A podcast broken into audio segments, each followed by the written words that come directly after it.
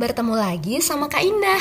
Kali ini Kak Indah akan bercerita sebuah cerita yang berjudul Buku Terbang.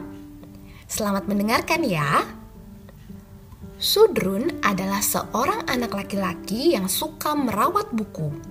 Kebiasaannya merawat buku bermula dari hobi Sudrun yang membaca buku.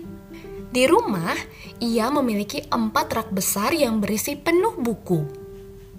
Rak-rak tersebut ia tempatkan di ruangan tersendiri semacam perpustakaan dalam rumah. Sudrun sangat menyayangi semua buku-bukunya. Baik itu buku komik, sejarah, fantasi, materi pelajaran, maupun buku sains. Setiap seminggu sekali, ia membersihkan rak bukunya. Ia menyapu debu dan jaring laba-laba yang menempel merapikan barisan buku, dan menyampuli bukunya yang mulai rapuh. Pada suatu malam, ketika Sudrun sedang tidur, sebuah suara gaduh membangunkannya. Arah suara itu berasal dari ruang bukunya. Sudrun penasaran. Ia beranjak dari tempat tidur, lalu menengok ruang bukunya. Di ruang bukunya, Sudrun kaget mendapati beberapa bukunya yang terjatuh di lantai. Sungguh aneh, pikirnya. Tidak ada tikus, tidak ada angin di ruangan itu. Ia juga sudah menata bukunya dengan sangat rapi dan rapat. Tetapi, kenapa buku-bukunya bisa terjatuh?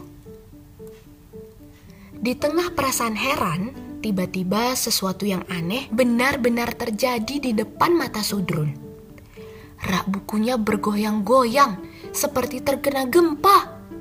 Padahal sedang tidak gempa. Kemudian, beberapa bukunya yang berada di rak terjatuh ke lantai seperti terlempar. Dan buku-buku yang terkulai di lantai tiba-tiba terbang. Dan buku-buku itu terbang mengepakkan lembar-lembar halamannya seperti burung yang mengepakkan sayapnya. Kami sedang latihan terbang, Kak Sudrun.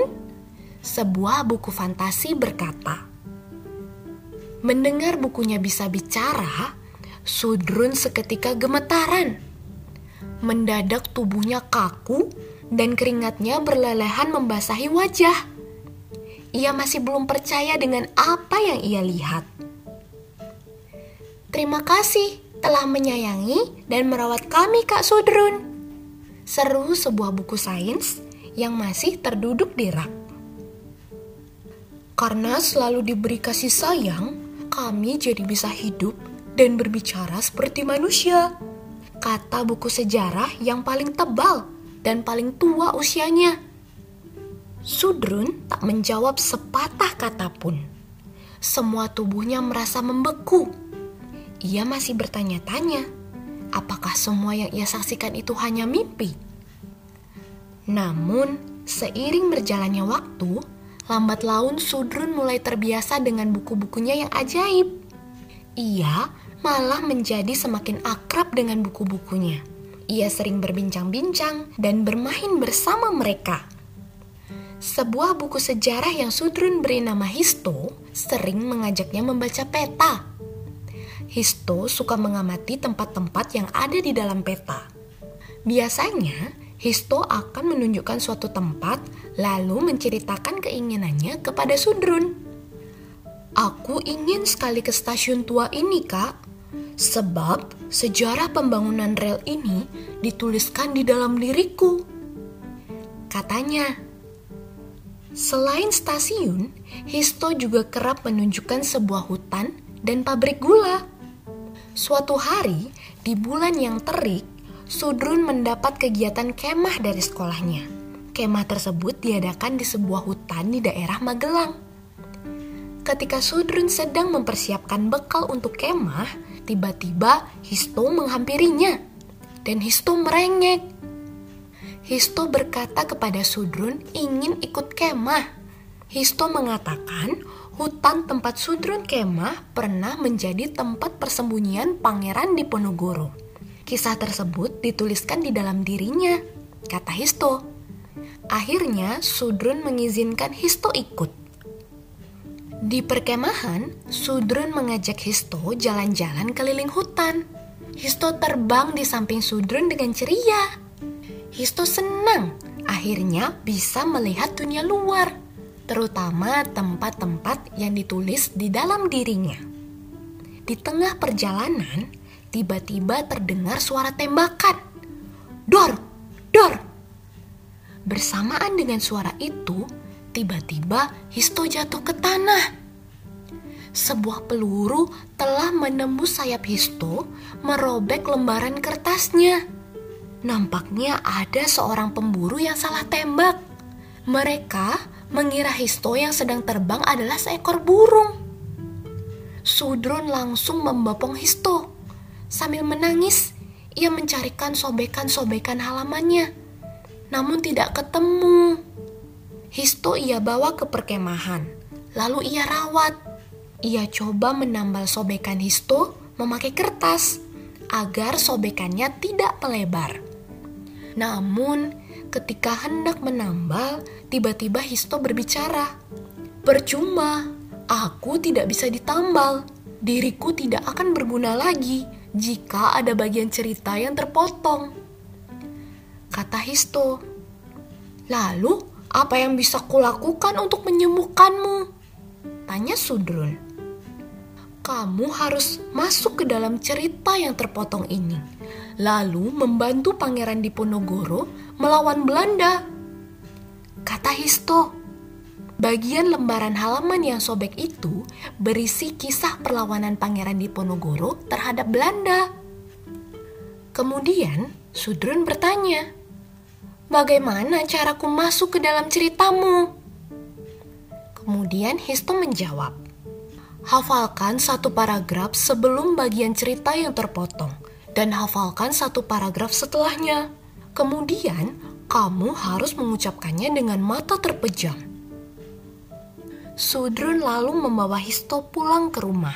Ia segera mempraktikkan apa yang dikatakan Histo. Setelah memejam lima menit lamanya, Sudrun membuka mata.